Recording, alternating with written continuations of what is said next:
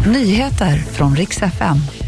Ja, ännu en kommun går upp i stabsläge efter nya ryska hackerattacker. Och snackisen fortsätter runt årets mest omtalade mellostjärna som blir skuldfri. Ännu en kommun går nu upp i stabsläge efter en ny cyberattack från en rysk hackergrupp. Och det här är Bjuvs kommun. De har också hotat med att läcka data som gör att de nu går upp i stabsläge.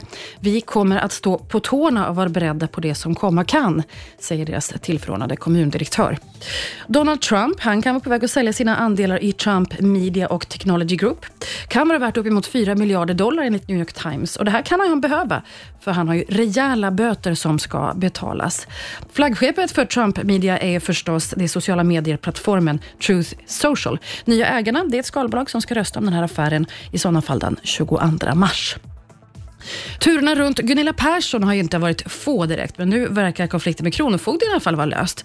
Hon har ju länge vägrat att betala sin skuld på 640 000 kronor, men förra helgen då gjordes en utmätning av ägodelar och nu kom till slut vändningen. Gunilla Persson är skuldfri efter en uppgörelse med Försäkringskassan och nu verkar alla parter nöjda igen, kommer att rösta på hennes låt sa till och med Johannes Paulsson som uttalar sig för Kronofogden. Och det var nyheterna. Jag heter Maria Granström.